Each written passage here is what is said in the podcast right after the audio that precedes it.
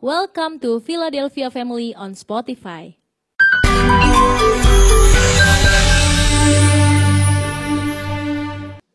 Puji Tuhan. Mari bersorak haleluya tiga kali amin. Dua tiga. Haleluya, haleluya, haleluya. Tepuk tangan bagi Tuhan Yesus. Firman Tuhan hari ini adalah cerita tentang Yesus. Cerita tentang Yesus. Tapi saya tidak akan membawa cerita tentang Yesus. Tetapi apakah saudara punya cerita tentang Yesus? Itu tantangannya. Apakah saudara-saudara hari ini punya cerita tentang Yesus? Saudara, setiap orang harus punya cerita tentang Yesus. Kalau ada orang tanya kepada saudara, siapa Yesus? Engkau harus punya cerita tentang dia. Coba saudara saya kasih waktu renungkan sedikit. Apakah Anda punya cerita tentang Yesus? Kalau hari ini saudara-saudara tanya kepada saya, apakah saya punya cerita tentang Yesus? Saya akan berkhotbah panjang sekali. Menceritakan tentang Yesus saya yang luar biasa. Hampir setiap hari saya tutup mata dan berkata, Yesus engkau sungguh baik. Engkau sungguh baik. Ada banyak hal spektakuler yang Tuhan izinkan saya jalani di tahun ini. Ada banyak hal-hal yang baru. Something new in my life punya cerita tentang Yesus. Saya akan bagikan kepada saudara-saudara tiga keuntungan orang yang punya cerita tentang Tuhan. Mari kita akan baca dulu ayat firman Tuhan. Satu Tawarik 16 ayat 23 sampai ayat yang ke-27. Ini pernyataan atau kata-kata dari Daud. Mari kita baca bersama dua tiga. Bernyanyilah bagi Tuhan hai segenap bumi. Kabarkanlah keselamatan yang daripadanya dari hari ke hari. Ceritakanlah kemuliaannya di antara bangsa-bangsa dan perbuatan-perbuatannya yang ajaib di antara segala suku bangsa. Sebab besar Tuhan dan terpuji sangat dan lebih dahsyat ia daripada segala Allah Sebab segala Allah bangsa-bangsa adalah berhala. Tetapi Tuhanlah yang menjadikan langit. Keagungan dan semarak ada di hadapannya. Kekuatan dan sukacita ada di tempatnya. Katakan amin. Saudara yang terkasih, Daud ini adalah orang yang suka sekali menceritakan tentang Tuhannya. Itu sebabnya Daud menjadi orang luar biasa. Saya tidak tahu saudara-saudara punya pokok cerita tahun ini siapa. Ketika engkau duduk dengan seseorang, engkau ngobrol dengan seseorang, engkau menceritakan apa? Engkau menceritakan orang lain, engkau menceritakan kelemahan mereka, atau engkau cerita sakit hati saudara, atau engkau cerita kekecewaanmu, engkau cerita yang buruk-buruk, cerita hantu, cerita horor, cerita apa. Saya tidak tahu cerita saudara. Ketika orang duduk dekat saudara, apa yang keluar dari mulut saudara? Dan saya mau katakan kepada saudara-saudara itu sangat menentukan hidupmu. Kalau kata-katamu selalu berisi hal-hal yang buruk, saudara harus tahu tidak ada orang yang betah dekat dengan engkau. Saya ketika duduk di sini saya senang karena istri saya di samping, anak saya di belakang. Eh anak saya di samping juga. Mereka enggak, enggak suka duduk di belakang sana jauh-jauh. Jangan dekat-dekat papi. Mesti jauh-jauh. Kalau dekat-dekat bahaya kita. Sudah tahu ada orang-orang tertentu yang orang lain tidak suka dekat dengan dia. Mengapa? Setiap keluar kata-katanya. Cerita yang buruk. Cerita tentang orang, cerita tentang sakit hati, cerita tentang kekecewaan, tentang emosinya. Tentang berbagai hal yang buruk. Dan saya mau katakan seperti uh, saudara-saudara, kalau engkau seperti itu, hidupmu berbahaya. Apalagi Tuhan, Tuhan tidak suka dengan orang-orang yang begitu. Saudara harus tahu bahwa apa yang keluar dari mulutmu itulah hatimu. eh saudara terkasih, tidak ada orang mulutnya jahat, hatinya baik, tidak ada. Karena Yesus berkata semua yang keluar dari mulut sumbernya dari hati. Jadi kalau ada orang ngomongnya jorok, hatinya pasti jorok. Kalau orang ngomongnya kasar, berarti hatinya kasar. Kalau orang ngomongnya jahat, pasti hatinya jahat. Tidak ada orang yang, oh enggak cuma mulut saya yang jahat sih, hati saya sebenarnya baik. Nah, itu kebohongan paling hebat itu. Mulutmu adalah hatimu. Yang setuju dengan Tuhan Yesus katakan amin. Ya, Tuhan Yesus saja yang ngomong bukan saya. Jadi mulutmu adalah hatimu. Jadi kalau saudara mau tahu hatimu, dengar aja kata-katamu. Jangan dengar kata-kata orang. Ya, yang kau lagi ngomong saudara ingat-ingat. Jadi sekarang ini waktu untuk mengingat. Apa yang keluar dari mulutmu.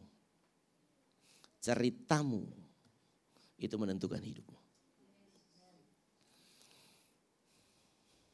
Daud memutuskan, ceritakanlah kemuliaannya di antara bangsa-bangsa. Itu sebabnya Daud sangat diberkati Tuhan. Saya berharap bagi saudara-saudara yang tidak bisa ngontrol mulut saudara-saudara. Tahun depan mesti ngontrol ya. Pasang saklar di samping sini. Jadi kalau dia sudah mau keluar yang jelek langsung matiin saklarnya. Petak. Kalau engkau belum bisa ngomong yang baik, diam. Kalau engkau ngomong jorok kan jorok, suci. Belum bisa suci, lebih bagus diam. Saya berharap tahun depan bagi yang cerewet-cerewet tidak betul tahun untuk berdiam diri. Amin. Ini yang cerewet-cerewet, ibu-ibu cerewet, mari diam lebih bagus. Ada masalah, diam aja. Lebih bagus amsyong. Engkau berdosa untuk dirimu sendiri. Itu kan ya makan dalam. oh, sakit hati ditahan. Tiba-tiba liver kena. Ya sudahlah. Itu resiko saudara. Kenapa tidak mau bersabar? Enggak mau mengampuni. Kan kita berkata mesti sabar dan mengampuni bukan? Supaya kepahitan hilang. Belum bisa sabar, belum bisa ngampuni, tutup mulut. Biar makan dalam. Kalau sudah tahan dengan sakit hati, ampunilah. Jangan bawa sakit hati sampai tahun depan. Nanti ceritamu tetap penuh dengan sakit. Jangan bawa kepahitan sampai tahun depan. Nanti mulutmu keluar yang pahit-pahit. Saudara kita tidak suka dengan orang yang pahit-pahit. Tidak ada orang yang suka pahit-pahit. Kecuali orang Manado sudah kebanyakan makan bak. Orang Manado kalau bulan Desember begini sudah kebanyakan makan bak itu mulutnya rasanya sudah Nah, biasanya mereka bikin sayur pahit, makan pahit, pahit, pahit, baru tuh besok baknya terasa enak lagi. Tetapi yang normal, orang tidak suka dengan dengan pahit-pahit. Apalagi kepahitan hidup kan. Nah kepahitan hidup saudara-saudara akan melahirkan kata-kata juga yang pahit. Jadi kalau saudara banyak kepahitan tahun depan tahun untuk berdiam diri. Supaya kepahitanmu tidak tersebar. Mari kita putuskan dari mulut kita akan keluar Yesus dan kemuliaannya. Katakan amin. Ada tiga keuntungan orang yang suka menceritakan tentang Yesus. Yang pertama, dia akan menjadi orang yang selalu mempermuliakan Tuhan. Dia adalah orang yang selalu memuji-muji Tuhan. Dia selalu orang yang menyembah Tuhan. Lagunya selalu baik. Dia tidak akan menyanyi lagu dangdut yang aneh-aneh. Dia akan nyanyi lagu rohani terus, saudara. Saudara-saudara, saya lagi merenungkan untuk berkhotbah hari ini. Dan tiba-tiba saya menyanyi lagu ini. Ceritakanlah kemuliaannya di antara segala bangsa. Dan saudara yang terkasih, lagu ini itu tidak hanya dicatat di dalam Tawarik, tetapi juga di dalam Mazmur. Mazmur 96 ayat 3 sampai 6. Itu menceritakan atau menulis syair yang sama. Dan tentu saudara tahu kitab Mazmur, ini adalah kitab pujian. Itu sebabnya Bapak Ibu Saudara, Saudara harus tahu orang yang suka menceritakan tentang Tuhan, dia selalu pasti memuji dan membesarkan nama Tuhan. Dan saudara tahu berkat orang yang memuji-muji Tuhan, Alkitab berkata Tuhan bersemayam di tempat yang tinggi. Tetapi dia turun di atas puji-pujian orang-orang Israel. Jadi kalau saudara-saudara suka memuji Tuhan, maka Tuhan hadir dalam hidup saudara. Saya suka perhatikan gereja ini. Kalau saya tidak ada, suasananya kayak bagaimana ya. Padahal bukan cuma saya. Cuma saya tidak ada. Apalagi kalau di gereja ini tidak ada Tuhan Yesus. Lebih kacau balau pasti tidak ada orang di sini. Tetapi saya mau sampaikan kepada saudara-saudara. Bahwa kalau saudara suka memuji-muji Tuhan maka Tuhan hadir dalam hidup saudara. Kalau saudara suka menceritakan Tuhan di rumah, maka Tuhan hadir di rumah saudara. Saudara menceritakan Tuhan di kantor, Tuhan hadir di kantormu. Saudara menceritakan Tuhan di mobil, lagi nyetir mobil ngobrol-ngobrol tentang Tuhan Yesus. Tuhan Yesus baik ya, kita begini, begini, begini. Saudara mulai cerita tentang Tuhan, saudara mulai bersaksi, saling menguatkan, saling mengingatkan saudara-saudara. Saya dan Ibu Gembala punya kerjaan itu kebanyakan begitu. Kalau sudah ngobrol berdua suka saling ingat, eh, puji Tuhan ya tahun ini kita begini, begini. Padahal dia tahu, saya tahu. Tetapi kami suka menceritakan untuk apa? Untuk mengingat akan perbuatan Tuhan. Dan ketika kita menceritakan tentang Tuhan, kita sedang mempermuliakan dia. Dan kalau kita sedang mempermuliakan dia, maka dia hadir selalu dalam hidup kita. Jadi di kamar saudara kalau lagi berdua, jangan suka cerita-cerita kejelekan orang. Tahu nggak mam? Itu bapak itu. Istrinya bilang, bukan cuma bapak itu, itu istrinya juga. Wale besoe lagi. Jangan saudara-saudara, setan yang datang. Saudara pas tidur mimpi buruk. Mari saudara-saudara sebelum tidur cerita yang baik-baik, amin. Cerita apa? Cerita tentang kemuliaan Tuhan. Amin. Maka Yesus hadir. Kalau mimpi buruk pun Yesus yang tendang mimpinya. Mari kita anak-anak Tuhan. Isilah hari-hari kita dengan menceritakan tentang Tuhan. Amin. Saudara rindu cerita-cerita tentang Yesus, amin. Nah yang jadi masalahnya kalau kita tidak punya cerita tentang Yesus ya. Mau bersaksi apa ya? Mau cerita apa yang tidak ada. Itu sebabnya mari kita mulai dengar firman Tuhan. Mulai dengar firman Tuhan. Mulai percaya. Mulai deklarasi. Mulai bertindak. Maka mujizat akan terjadi. Dan itu akan jadi bahan ceritamu.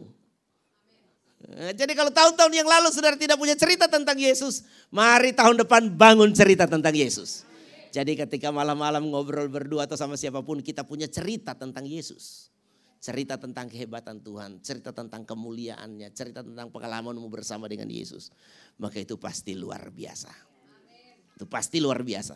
Karena ketika engkau menceritakan tentang Tuhan, saudara sedang mempermuliakan Tuhan. Dan kalau engkau sedang mempermuliakan Tuhan, maka dia hadir. Yang saya bilang tadi, gembala aja ndak hadir ndak enak, apalagi Tuhan ndak hadir. Kalau Tuhan hadir di bisnismu, luar biasa. Sedangkan tidur pun sudah sangat memberkati ya. Eh, kemarin kan ada drama gitu ya. Tuhan Yesus di laut ya, di danau Galilea. Bapak-bapak ya goyang-goyang kayu ya. Goyang-goyang kayu gitu ya. Itu kan berdasarkan kisah nyata. Yesus ada dan dia tidur. Yesus gak ikut mendayung gak? Karena memang ada waktu kita melakukan apa yang harus kita lakukan. Ada waktunya Tuhan bangkit dan melakukan apa yang harus dia lakukan. Yang penting sudah pasti Yesus ada. Amin. Ya, kalau saudara menceritakan tentang Yesus mungkin kadang-kala Yesus juga tidur. Karena kalau ngepel ya engkau aja yang ngepel. Masa suruh Yesus yang ngepel. Amin. Ya, kalau ibu-ibu ngepel rumah jangan bilang Tuhan Yesus gantian dong capek. itu tugasmu. Ya kayak Petrus di laut, dia yang dayung, dia yang atur layar. Tetapi yang penting pastikan Yesus ada bersamamu. Karena ketika engkau tidak sanggup lagi, maka itu waktunya untuk Yesus bertindak dalam hidup saudara. Walaupun kita jangan ikut-ikut Petrus, menghakimi Yesus engkau tidak peduli kita binasa. Nah Yesus tetap peduli. Amin. Nah, cuma kalau waktu kita, ya kita kerjakan tugas kita. Percayalah waktu Yesus, dia akan melakukan tugasnya. Amin. Jadi kalau dalam bisnis engkau masih biasa ngetik ya engkau ngetik sendiri. Tetapi ketika kau lobby bisnis penting, engkau sudah tidak sanggup. Percaya kalau Yesus ada di situ, dia tidak akan tetap tidur. Dia akan bangun dan engkau pasti sukses. Amin. Kalau ada tantangan yang berat, mungkin engkau mesti hadapi dulu. Tetapi ketika engkau tidak berdaya dan engkau berkata Tuhan ini waktumu untuk bertindak. Maka dia akan berdiri dan berkata hai danau tenanglah haleluya. Dan semua akan jadi tenang. Amin. Nah, semua saudara ada waktu saya. tetapi kebanyakan waktu Yesus bertindak. Percayalah, bagi Tuhan tidak ada perkara yang mustahil. Di dalam Wahyu pasal yang ke-12 ayat 10 sampai 11. Cerita tentang Yesus atau kesaksian kita itu mengalahkan musuh. Wahyu pasal yang ke-12 ayat 10 sampai 11. Dan aku mendengar suara yang nyaring di sorga berkata, sekarang telah tiba keselamatan dan kuasa dan pemerintahan Allah kita. Dan kuasa dia yang diurapinya karena di, karena telah dilemparkan ke bawah pendakwa saudara-saudara kita. Yang mendakwa mereka siang dan malam di hadapan Allah kita. Ini berbicara tentang kuasa kegelapan setan musuh kita. Ayat 11. Dan mereka mengalahkan dia oleh apa saudara-saudara? Darah anak domba dan oleh perkataan kesaksian mereka. Saudara harus tahu bahwa kesaksian itu mengalahkan musuh. Mari bilang sama temannya kesaksian mengalahkan musuh. Jadi Bapak Ibu Saudara-saudara harus tahu bahwa ketika engkau bersaksi, maka kemenangan ada di tangan saudara. Jadi Bapak Ibu Saudara, saudara harus suka bersaksi. Saudara harus suka menceritakan tentang Yesus karena semakin banyak yang kau menceritakan tentang Yesus, semakin besar kuasa Yesus dalam hidup saudara. Jadi musuh kuasa kegelapan itu akan dapat dikalahkan oleh perkataan kesaksian. Ada sebuah contoh di dalam Alkitab saudara-saudara. 1 Samuel pasal 17 ayat 34 sampai 37. Ketika orang Israel ketakutan karena Goliat, maka Daud datang ke medan pertempuran dan ketika orang mendengar tentang pernyataan Daud bahwa dia tidak takut melawan Goliat, sementara semua prajurit Israel ketakutan, maka mereka membawa Daud kepada Saul. Pertanyaannya, mengapa Daud punya keberanian melawan Goliat? Karena Daud orang yang tahu cerita tentang Tuhan dan dia punya cerita tentang dia dan Tuhannya. Dia punya pengalaman bersama dengan Tuhan. Dan ketika Saul tanya, kenapa engkau berani? Jawabannya Daud. 1 Samuel pasal 17 ayat 34 sampai 37 di dalam keraguan Saul Daud ceritakan hal ini. Tetapi Daud berkata kepada Saul, hambamu ini biasa mengembalakan kambing domba ayahnya. Apabila datang singa atau beruang yang menerkam seekor domba dari kawanannya. Maka aku mengejarnya, menghajarnya dan melepaskan domba itu dari mulutnya. Kemudian apabila ia berdiri menyerang aku, maka aku menangkap janggutnya, lalu menghajarnya dan membunuhnya. Baik singa maupun beruang telah dihajar oleh hambamu ini.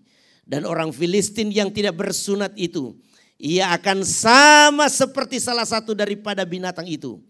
Karena ia telah mencemooh barisan daripada Allah yang hidup. Pula kata Daud, mari kita baca bersama dua tiga. Tuhan yang telah melepaskan aku dari cakar singa dan dari cakar beruang. Dia juga akan melepaskan aku dari tangan orang Filistin itu. Kata Saul kepada Daud, pergilah Tuhan menyertai engkau. Katakan amin. Bapak ibu saudara, saya mau sampaikan kepada saudara kalau tahun depan engkau mengalami tantangan. Ada suami yang mengalami tantangan. Istri harus mengingatkan cerita tentang Tuhan. Istri sedang mengalami tantangan. Maka engkau harus menceritakan kepada istrimu tentang kehebatan Tuhan. Kalau engkau mengalami tantangan secara pribadi dan tidak ada orang yang mengingatkan cerita tentang Yesus. Engkau harus menceritakan pengalamanmu tentang Yesus kepada dirimu sendiri. Daud ketika ngelihat Goliat yang teringat apa? Singa dan beruang. Oh orang ini akan sama dengan cerita masa laluku. Dulu waktu aku mengembala ada singa datang, beruang datang. Dan Tuhan sudah melepaskan aku. Saya percaya kali ini pun sama. Itu sebabnya ketika dia di dalam medan peper, peperangan, ketika semua orang ketakutan, Daud berani. Mengapa? Karena dia punya cerita tentang Tuhan di hatinya. Banyak orang penuh dengan ketakutan dijajah oleh situasi, terancam. Mengapa? Karena dia tidak punya cerita tentang Tuhan di hatinya. Saya mau katakan kepada saudara-saudara, miliki cerita tentang Yesus di hatimu. Haleluya. Jangan lupakan perbuatan-perbuatan Tuhan yang hebat dalam hidup saudara. Jangan lupakan. Engkau harus segarkan terus di dalam dirimu. Segarkan terus. Engkau harus ingat cerita tentang Tuhan.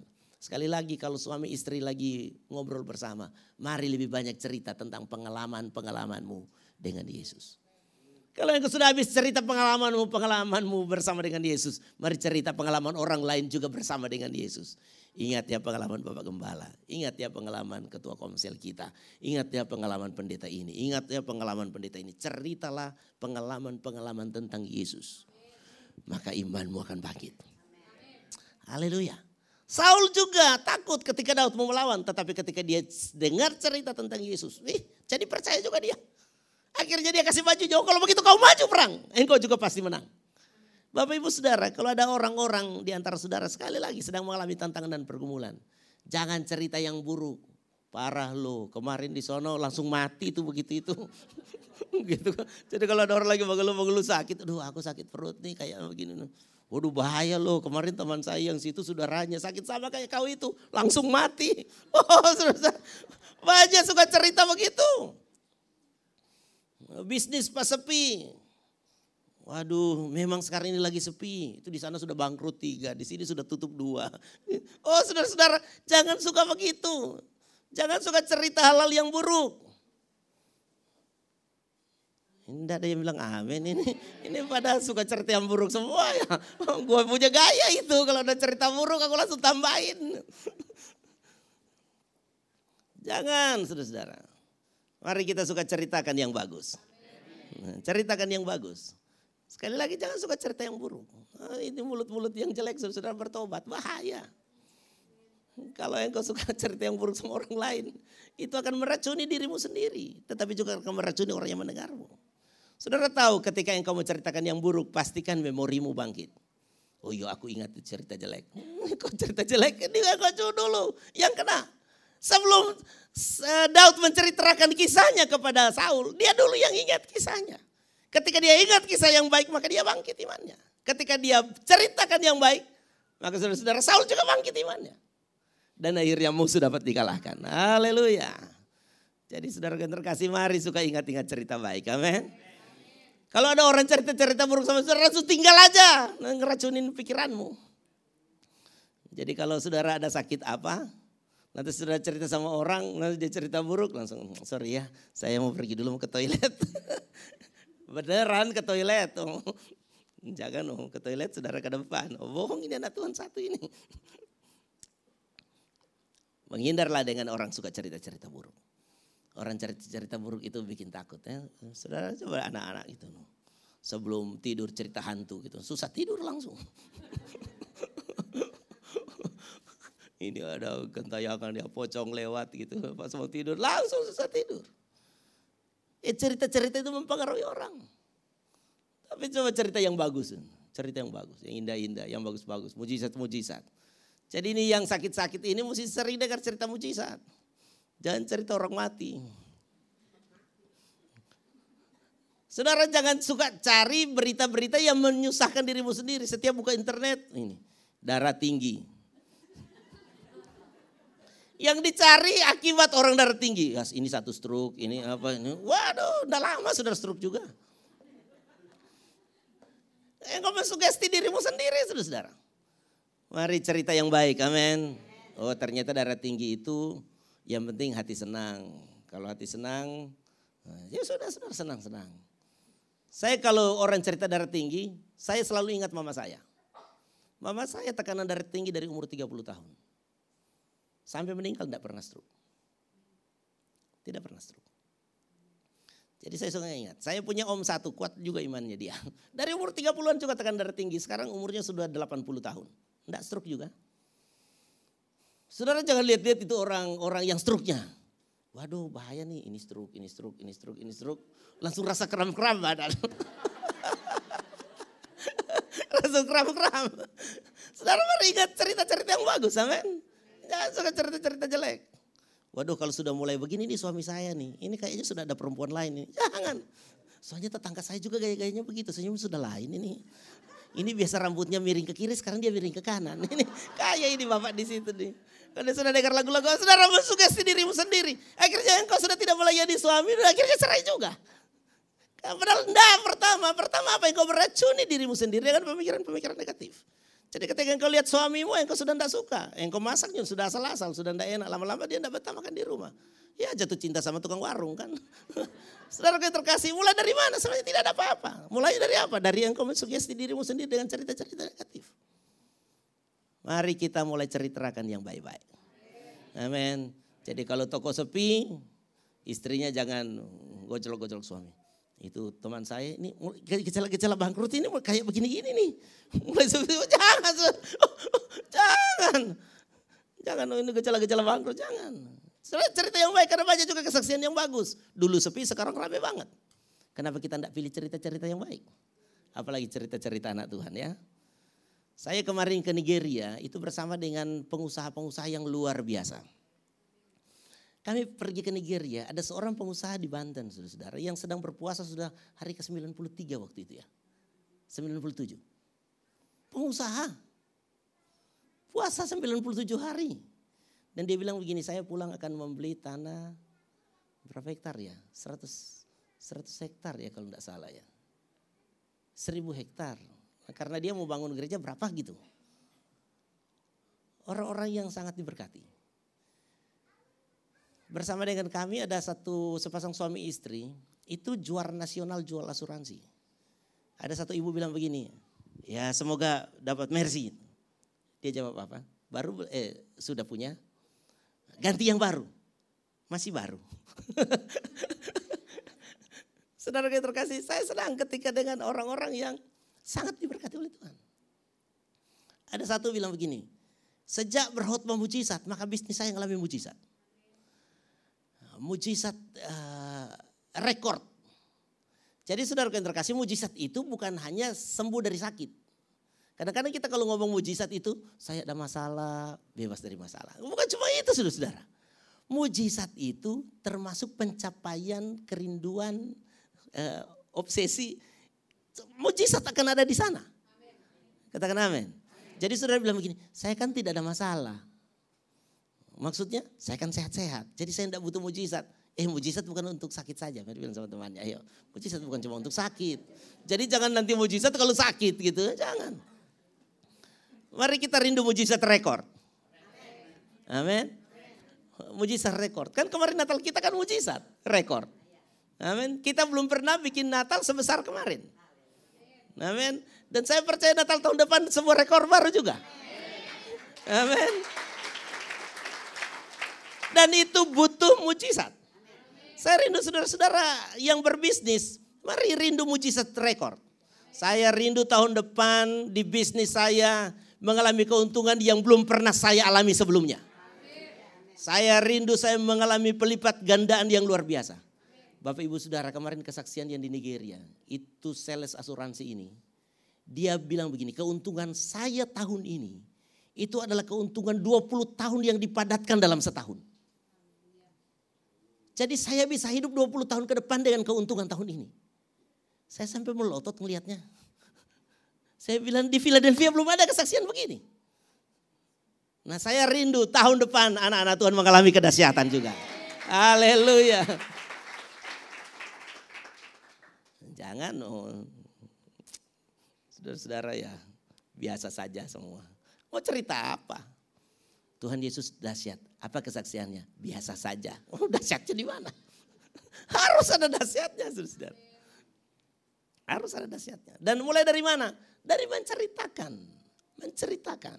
Menceritakan hal-hal yang baik. Jangan cerita-cerita buruk, sudah meracuni dirimu sendiri. Ceritakan yang baik, ceritakan mujizat Tuhan. Maka engkau mengalami hal-hal yang dahsyat. Amin. Jadi saya baru cerita tentang itu, saudara sudah tepuk tangan. Bangkit iman bukan? Nah lakukanlah itu setiap hari. Jangan suami istri kalau mau cerita yang buruk-buruk ya. Jangan. Cerita yang bagus, cerita yang bagus, cerita yang bagus. Tentang siapa? Tentang Yesus. Tentang Yesus, tentang Yesus, tentang mujizat. Engkau pasti ngalami. Karena ketika Daud mengingat cerita mujizat, maka dia ngalami mujizat. Ketika Daud menceritakan kemenangan bersama Tuhan, maka dia menang bersama Tuhan. Ketika Daud selalu ada bersama dengan Tuhan, dia mengalami hal-hal yang luar biasa. Yang terakhir, saudara-saudara. Keuntungan dari menceritakan tentang Yesus itu adalah memberkati orang lain. Kita dengar khotbah Markus 10 ayat 46 sampai 52 pada Natal kemarin dan beberapa kali kita sudah dengar khotbah ini tentang Bartimeus. Mengapa Bartimeus itu Ketika Yesus lewat, dia berseru, Yesus anak Daud, kasihanilah aku. Mengapa? Karena dia sudah pernah mendengar cerita tentang Yesus.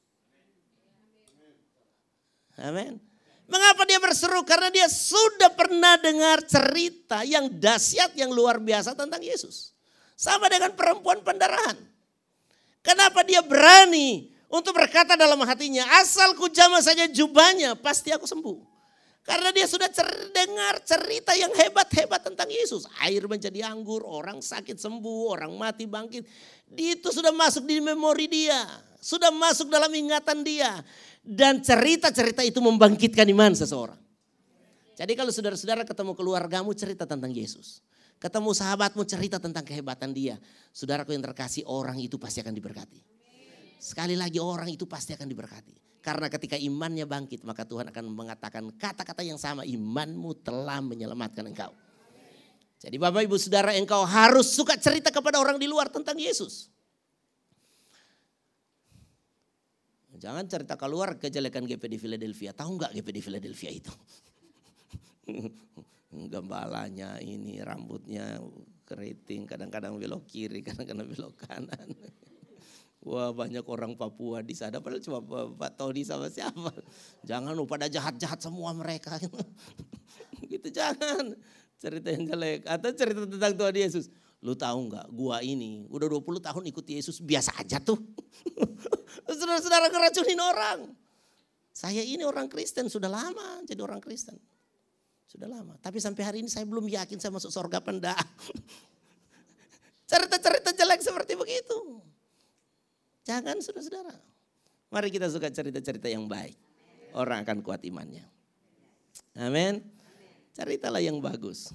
Saudara-saudara, engkau akan membuat banyak Bartimeus yang lebih mujizat. Orang-orang mulai dengar tentang Yesus, mulai dengar tentang Yesus, mulai dengar tentang Yesus. Ketika waktu lawatan itu datang, mujizat pasti terjadi. Saudara rindu keluargamu diberkati Tuhan. Saudara rindu sahabatmu dijangkau. Ceritalah tentang Yesus. Nah Bapak Ibu Saudara, khotbah hari ini itu akan mendasari apa yang akan kita kerjakan satu bulan ke depan. Jadi bulan Januari itu adalah bulan kesaksian. Bagi saudara-saudara yang mengalami Tuhan, marilah bersaksi. Bukan untuk kesombonganmu, bukan untuk apa-apa, marilah bersaksi. Dan saudara-saudara saya sudah bilang sama Dei tadi dan kepada semua grup media untuk merekam semua anak-anak Tuhan yang rindu bersaksi. Saudaraku yang terkait saya mau sampaikan kepada saudara-saudara. Keuntungan yang Tuhan butuh dari memberkati saudara adalah bersaksi. Amin. Karena Tuhan panggil kita untuk menjadi saksi. Pergilah jadikanlah semua bangsa muridku. Beritakanlah Injil. Jadi apa khotbah hari ini ini tipe khotbah penginjilan yang sedikit berbeda. Tetapi intinya adalah khotbah hari ini juga tentang penginjilan. Cerita tentang Yesus.